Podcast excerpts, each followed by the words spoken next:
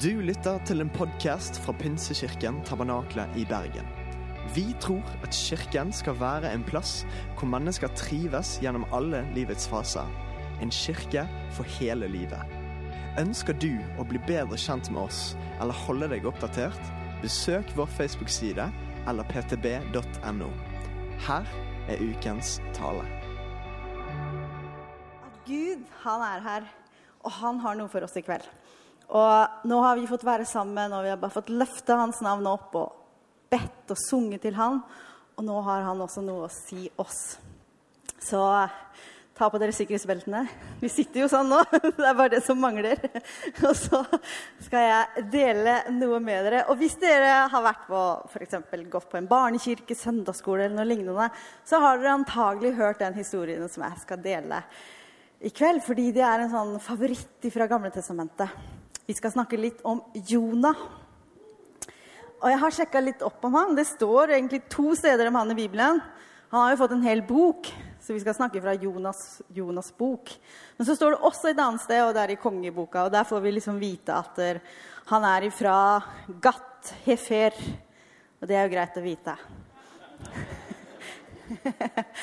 Er, jeg tror det er i nærheten av Galilea. Da har vi kanskje hørt litt uh, mer av oss noen. Og navnet hans det betyr due. Alltid greit å vite hva navnet sitt betyr. Og kanskje er det litt sånn uh, passe på han, for han fløy jo faktisk i hvert fall vekk. Og så har han sønn av Amitai. Ja. Men kanskje det viktigste var at han var en profet. Og han var en av få som var utvalgt av Gud til å høre fra Gud og til å gå og si beskjeder til folket.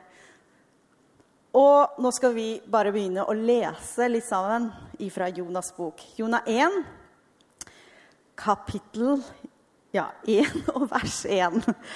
Herrens ord kom til Jonah, sønn av Amitai. Stå opp, Gå til storbyen Ninive og rop ut over byen at ondskapen deres har steget opp for mitt ansikt. Da sto Jonah opp for å flykte til Tarsis, bort fra Herren. Han dro ned til Jaffa og fant et skip som skulle til Tarsis. Så betalte han for reisen og gikk ned i båten. Han ville være med til Tarsis, bort fra Herren. Ganske detaljert hvor det står her. Altså, Jonas, han stakk av. Gud ville at han skulle gå til Ninive, og det var 130 mil øst. I stedet så flykta han 500 mil vest. Fikk skaffa seg en billett, kom seg på en båt og tenkte at nå bare skulle han komme seg unna alt sammen. Gud han var ikke helt ferdig med Jonah, så han sendte en forferdelig storm. Og de sjømennene som var på det skipet hvor Jonah var, de ble jo skikkelig redde og begynte å gjøre alle de riktige tinga. Ja, de ropte på hver sine guder, og de begynte å hive ut lasten de hadde for at de skulle lette båten. Og Jonah, han lå helt nederst i båten og sov en dyp søvn. Har du opplevd det noen gang? Altså, jeg er litt sånn at selv om det er en skikkelig storm på natta, det kan lyne og torne, og det er uvær og alt mulig, og så kommer vi til frokostdagen etter, og så prater folk om det. 'Hørte du stormen? Hørte du tornen? Var det skikkelig ille?' Hæ? Nei. Jeg har bare sovet gjennom alt. Når jeg først sover, så sover jeg veldig godt. Og dette, det gjør visst Jonah også. Så kapteinen han må gå ned til Jonah, sier han i vers 6. Hva er det med deg? Sover du? Stå opp og rop til guden din. Kanskje guden vil huske på oss, så vi ikke går under. Mennene sa til hverandre, la oss kaste lodd, så vi kan få vite hvem som er skyld i at denne ulykken har rammet oss. De kastet lodd, og loddet falt på Jonah. Da skjønte han at han var avslørt. Da sa de til ham, fortell oss nå hvem det er som har skyld i at denne ulykken har rammet oss. Hva slags arbeid har du? Hvor kommer du fra? Og hvilket land er du fra? Og hvilket folk tilhører du? Han svarte, Jeg er hebreer og frykter Herren, himmelens Gud, som har skapt havet og det tørre landet. Det var akkurat som Jonah våkna litt der. Og når han fikk disse spørsmåla, så huska han hvem han var, og hvilken gud han tjente. Og sjømennene var helt ute av seg og sa hva skal vi gjøre? Jonah bare sier at det, 'Kast meg over bord'. Men eh, dette var jo egentlig gode menn, gode sjømenn, så de tenkte vi kan jo ikke kaste han over bord. Så de prøvde å ro og ro enda mer for å komme til land. Men det ble bare verre og verre. Så til slutt, for å redde sitt eget liv, så kasta de Jonah over bord. Og da stilna sjøen helt. Og sjømennene i dette skipet skjønte jo at oi, her har vi med en virkelig Gud å gjøre. Så de, selv om de ikke visste hvem Gud var, så begynte de å ofre og gi løfter til Herren. Og Gud, han sendte en stor fisk som slukte Jonah levende. Altså Når man er barn og hører den historien, så liksom Ja, så kult! Men hallo, det er ganske utrolig. Men jeg har lest litt om det òg, og det er egentlig ikke unikt. Det har faktisk skjedd kanskje flere ganger i historien. Du vet at det er sånne svære fisker à la blåhvaler og sånn, som er 25 meter lange. Og så leste jeg at det var noen som hadde en tunge som var så stor som en elefant. Så da er det jo egentlig mulig å liksom bare sluke et menneske. Og det er det som skjer her. For en fantasi Gud har. Han liksom bare sluker Jonah, og der har han han. og Jonah trodde jo egentlig at det var slutt, men så plutselig så befinner han seg i magen på en svær fisk. Og der måtte han være i tre dager og tre netter. Og der, i fiskens mage, hvor han ikke kommer noen annen vei, så kommer han til seg sjøl. Han trengte egentlig å være i den fisken, for det var det som førte til at han fikk en rett innstilling til Gud. For der begynner han å prate med Gud for første gang siden Gud hadde talt til ham. Og det er egentlig litt sånn utrolig, fordi Jonah han begynner ikke å klage og syte til Gud. Men han erkjenner fakta, og så har han en holdning av takknemlighet. Og han ber konkret, samtidig som det virker som han, han vet faktisk hvem Gud er. For han har liksom tro på at Gud faktisk skal fri ham fra denne fisken. Nå skal vi lese den bønnen sammen som Jonah ber, fra kapittel 2. Jonah ba til Herren fra fiskebuken. Jeg kalte på Herren i min nød, og han svarte meg. Jeg ropte om hjelp fra dødsrikets dyp, og du hørte meg. Du kastet meg i dypet, midt ute på havet. Strømmen omga meg, alle dine brenninger og bølger slo over meg. Jeg tenkte, jeg er drevet bort fra dine øyne. Jeg skal aldri mer få løfte blikket mot ditt hellige tempel. Vannet lukker seg om strupen. Dypet omringer meg, sivet vikler seg rundt hodet. Han beskriver virkelig bokstavelig talt hvordan han har det. Jeg sank ned til foten av fjellene. Bommene på jordens porter slo igjen bak meg for alltid. Men så kommer det. Men du, Herren min Gud, førte meg levende opp av graven. Da livet ebbet ut, husket jeg på Herren, og bønnen min nådde til deg, til ditt hellige tempel. De som holder seg til vind og tomhet, har sviktet sin kjærlighet. Men så står det 'Jeg vil ofre takkesang'.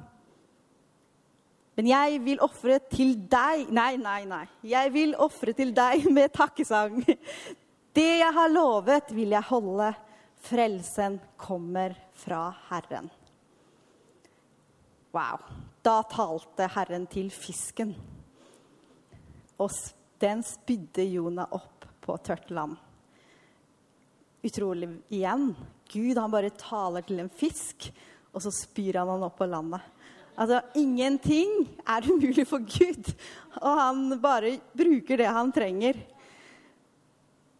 Og så skjer det at Gud er liksom ikke bare sånn han har kastet Jonah opp av land, og så tenker han OK, da får han være.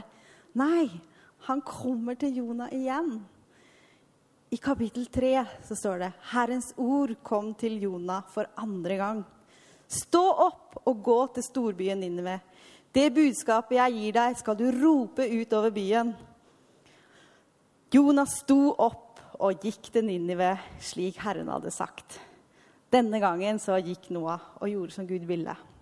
Og Ninive var en stor by, så han måtte gå en og en halv dag inn i byen. Da var han sånn midt, omtrent halvveis. Og så ropte han ut Jeg skjønner ikke åssen dette gikk til. Men det er jo det som det står.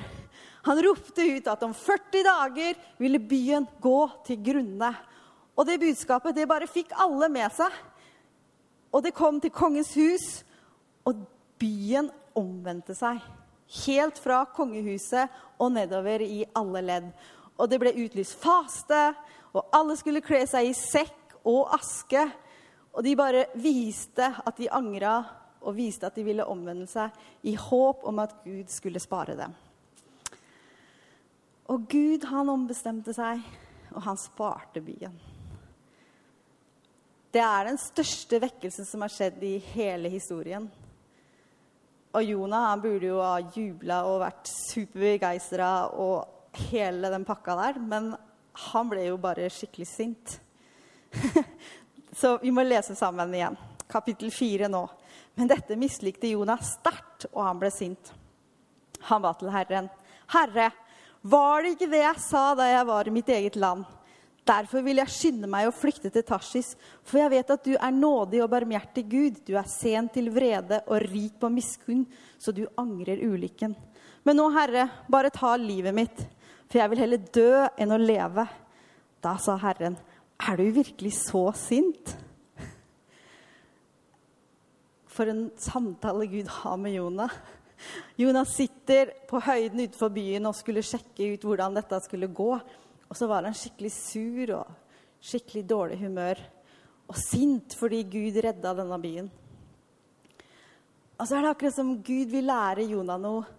Og så lar han en busk bare vokse opp veldig fort, så det ble skygge for der Jonah satt. Og liksom når Jonas ser det, så liksom kommer han i bedre humør, og så blir han glad, og så gleder han seg, står det i teksten.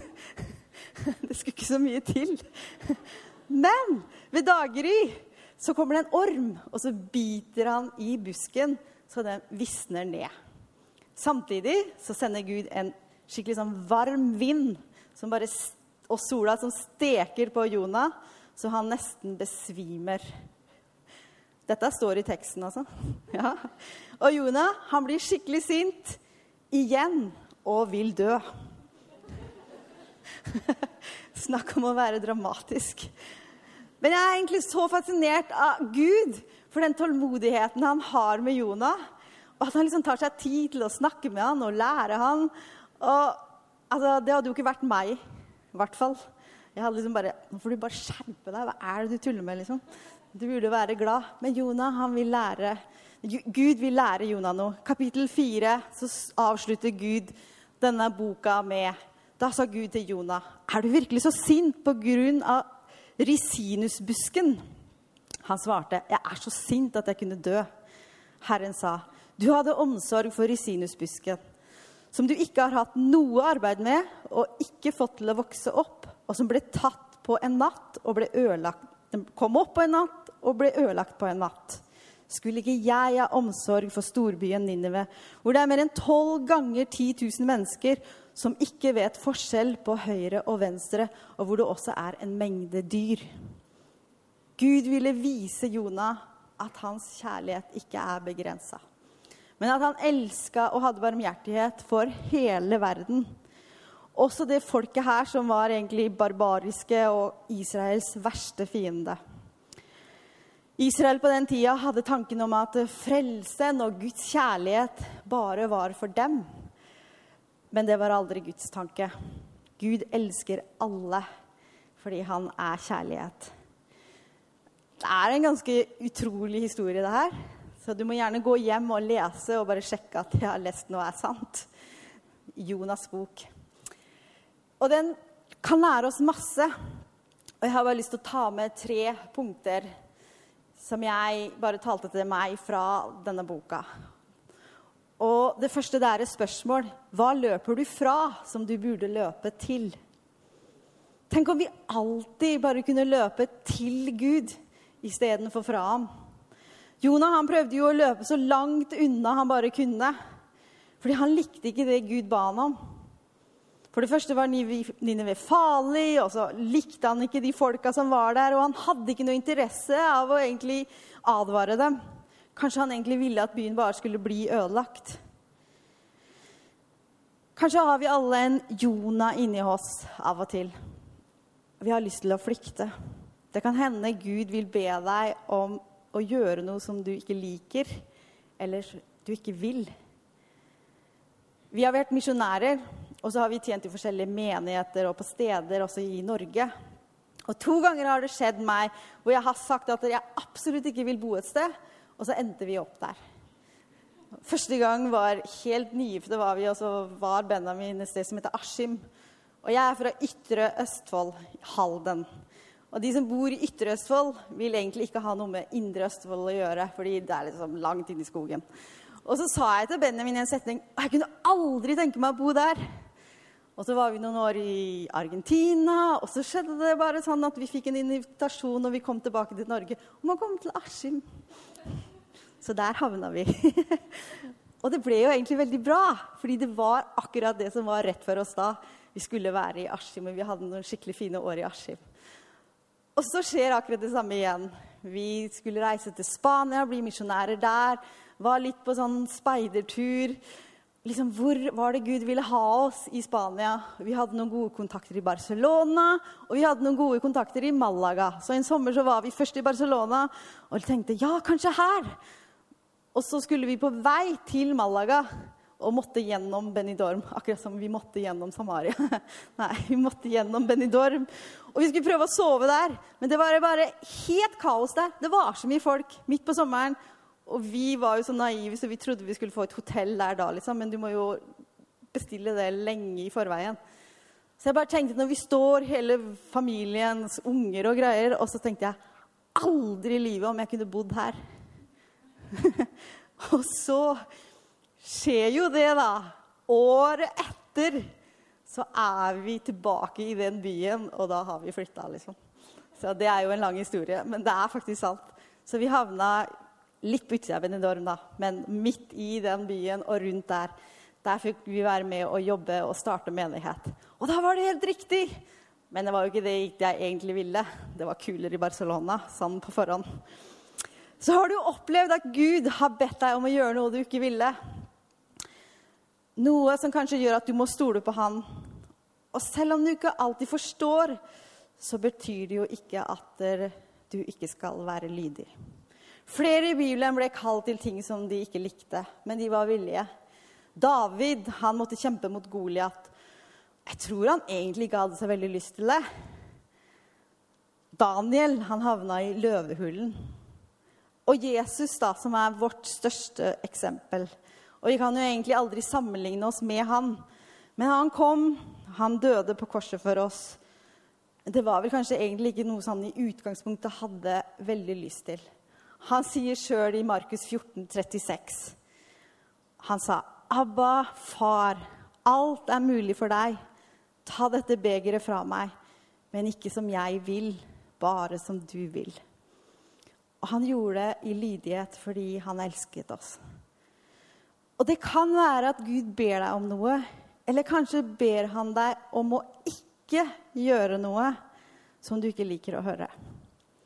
Jonah han dro jo i helt feil retning og trodde kanskje han slapp unna. Og Noen ganger så krever det jo egentlig mer å være ulydig enn å være lydig. Og det har vi kanskje opplevd alle sammen, i hvert fall som barn. Du begynte med en løgn som førte til en annen løgn. Og så ble det bare verre og verre, og så kom man seg inn i noe som man ikke kom seg ut av igjen.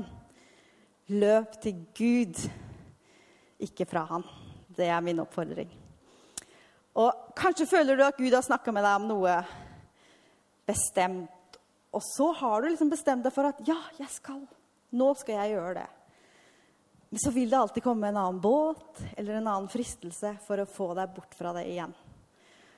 Jeg har Det jo sånn, det kan hende flere enn meg, i perioder at det, det liksom bare glir ut, og så spiser man alt mulig. Altså kaker hver dag, og du spiser for mye hele tida. Og så liksom bare bestemmer Nei, nå er det slutt. Nå må jeg bare kutte ut alle disse kakene her en stund. Og så liksom har du bestemt deg. Og da kan du være sikker på at da blir det kake på kontoret. Du blir bedt i alle bursdager som fins. Du går på life-gruppe, og der serverer de favorittgodteriet ditt. Det er liksom bare sånn der fristelsene bare står der på rekke og rad. Og sånn kan det føles noen ganger. Men jeg vil bare oppfordre deg gå i riktig retning. For fienden han vil bare gjøre alt for at du skal løpe feil. Og så er det noen ting som vi kan ta med, og som kan hjelpe oss. Og jeg har tre ting som kan hjelpe deg. Og det her er jo ikke noe nytt, men det er bare sånn vi må minne oss på gang på gang. Ha et personlig forhold til Gud. Ikke bare når du er her i kirka, men snakk med Gud.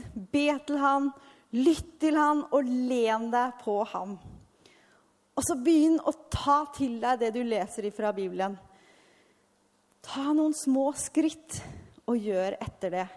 Fordi kanskje den største velsignelsen det er ikke å vite alt, men det er å begynne å gjøre. Og en tredje ting ha fellesskap med kristne andre. Og det er jo det vi har her. Jonah han stakk av, og så fant han seg nye venner. Ikke de han kjente fra før av, eller de som kjente han. Men det er så viktig at du har folk rundt deg som bryr seg om deg, og som kan holde deg ansvarlig. Vi kan alltid prøve å løpe fra Gud, men vi kan ikke gjemme oss for ham. Men vet dere hva? Gud er en Gud som gir nye sjanser. Gud hadde en ny sjanse for Jonah. Han stakk av fordi han likte ikke det Gud sa til ham. Og kanskje kjenner du deg igjen. Fordi du vet det er ting i livet ditt som ikke behager Gud, og derfor så vil du ikke høre. Eller du vil ikke snakke med Gud. Og Jonah han måtte i den magen på fisken. Først da begynte han å snakke med Gud og komme til seg sjøl. Og noen ganger så kan jo vi egentlig føle oss litt sånn på en sånn plass. Altså vi bare føler oss helt på bånn. Begynn å prate med Gud, sånn som Jonah gjorde. Jeg bare oppfordrer deg til det. Gud han kom til Jonah og ville bruke ham på nytt. Og det er det han vil med oss også. Fordi det er sånn Gud er. Han gir oss nye sjanser. Det er det evangeliet handler om. Gud vil bruke deg selv om du har svikta mange ganger. Og han vil svare deg når du roper på han og omvender deg. Han gir nye sjanser. Jesus han kom for at vi skulle få ny sjanse. Og Gud han er en Gud som gir nye sjanser gang på gang. Om du har svikta, om du har gått bort ifra ham, eller om du har gjort noe som du kanskje ikke skulle ha gjort. Han gir deg en ny sjanse, og han vil bruke deg fordi han elsker deg. Akkurat som han gjorde for Jonah, og som han gjorde for Ninive. Og den kjærligheten som Gud har, den kan jo ikke sammenlignes med noe. Den er bare kanskje helt overalt som vi kan tenke oss, og vi kan egentlig ikke forstå hvordan den er. Du kan ta et valg om å leve med han og se en forandring. Og det siste jeg har lyst til å nevne, det er at Guds nåde den er for alle. I kapittel fire så ser vi at Jonah Vi blir litt bedre kjent med han, fordi i de første kapitlene så får vi se hva han gjør. Men i fjerde kapittel så liksom får vi greie på litt mer hvordan han er, og hva han tenker han har blitt brukt av Gud, og en helt stor by har omvendt seg, og det er vekkelse, og det er jo jubel og herlighet. Men han er sint. Og Jonas' problem er jo at han er ikke enig i Guds plan. Han var jo ikke bare redd for å gå til Ninive, men han likte dem ikke. Og han trodde ikke at de fortjente nåde. Han var veldig flink til å ta imot nåde sjøl, men kanskje ikke så flink til å gi det videre. Og vi har veldig mange, mange ganger lett for å sammenligne liksom, mye synd, lite synd. Men synd, det kan jo ikke sammenlignes. Og det kan ikke måles. Og vi oppdager her i fortellingen også at du kan gjøre Guds vilje uten å ha Guds hjerte. Og du kan til og med preke Guds ord uten å ha Guds hjerte. For det var jo det Jonas gjorde. Han gjorde det Gud ville, og han preka Guds ord. Men han var jo ikke enig, og han hadde jo ikke det hjertet og den kjærligheten som Gud hadde. Og Jonas sitter utafor byen og klager til Gud. Og egentlig er det akkurat som den gjenværende sønnen som vi kan lese om i Lukas 15. Kanskje du har hørt om det. En lignelse som Jesus fortalte. Han hadde en far som hadde to sønner. Og den ene var så utålmodig og ville bare ha alle penga, og han dro av gårde og festa og hadde fadderuke et helt år. Og brukte opp alt han hadde. Og bare var helt på bånn. Og så bare akkurat som han liksom kommer til seg sjøl og tenker Altså, dette går jo ikke lenger. Nå kommer jeg ikke lenger ned. Og så tenker han jeg vil gå tilbake, og så vil jeg spørre om jeg kan få være en tjener. Og han kommer hjem til far, og det han ikke vet og forstår, er at far står der med åpne armer og bare løper han i møte og kysser han og klemmer han og kler på han og lager den festen med det beste kjøttet de har. Og fryder seg fordi sønnen har kommet tilbake igjen. Og mens alt dette skjer, og fest, så kommer broren hans hjem og får høre om det her. Og så blir han skikkelig sur. Der er det ikke noe gjensynsglede. Men han tenker i all verden, hva er det som skjer? Han har stukket han brukt opp alle pengene. Og så kommer han hjem igjen, og så lager du den festen. Og er liksom superglad og beste kjøttet. Jeg, jeg har vært der hele tida. Og har aldri fått noen ting. Og så sier denne faren til sønnen Ja, men du er jo her sammen med meg. Du har jo alt. Du kan jo bare lage deg fest når du vil. Denne sønnen hadde heller ikke forstått hvordan faren hans var, og den kjærligheten han hadde. Akkurat som Jonah hadde ikke forstått Guds kjærlighet og Guds nåde. Og han syntes heller ikke at broren hans fortjente nåde. Men det er ingen som fortjener nåde. Det er noe Gud gir oss. Gud går hele denne runden med Jonah fordi han elsker Ninive. Jonah visste at Gud var nådig, men han visste ikke hvorfor. Han forsto ikke Guds natur, at Gud elsker alle raser, at Gud elsker alle mennesker. Johannes 3, 16 kanskje det verset som flest kan utenat. Men det er bare utrolig bra likevel, så jeg vil lese. For så høyt har Gud elsket hele verden, at han ga sin sønn den enbårne, for at hver den som tror på ham, ikke skal gå fortapt, men ha evig liv. Det er Guds kjærlighet. Og Efeserne 1, 7-10, der står det også I ham har vi frihet fordi han kjøpte kjøpte oss med sitt blod. Vi har tilgivelse for syndene. Og hvorfor har vi det? Fordi så rik er Guds nåde. Gud er kjærlighet, han er nådig, og han er barmhjertig mot alle.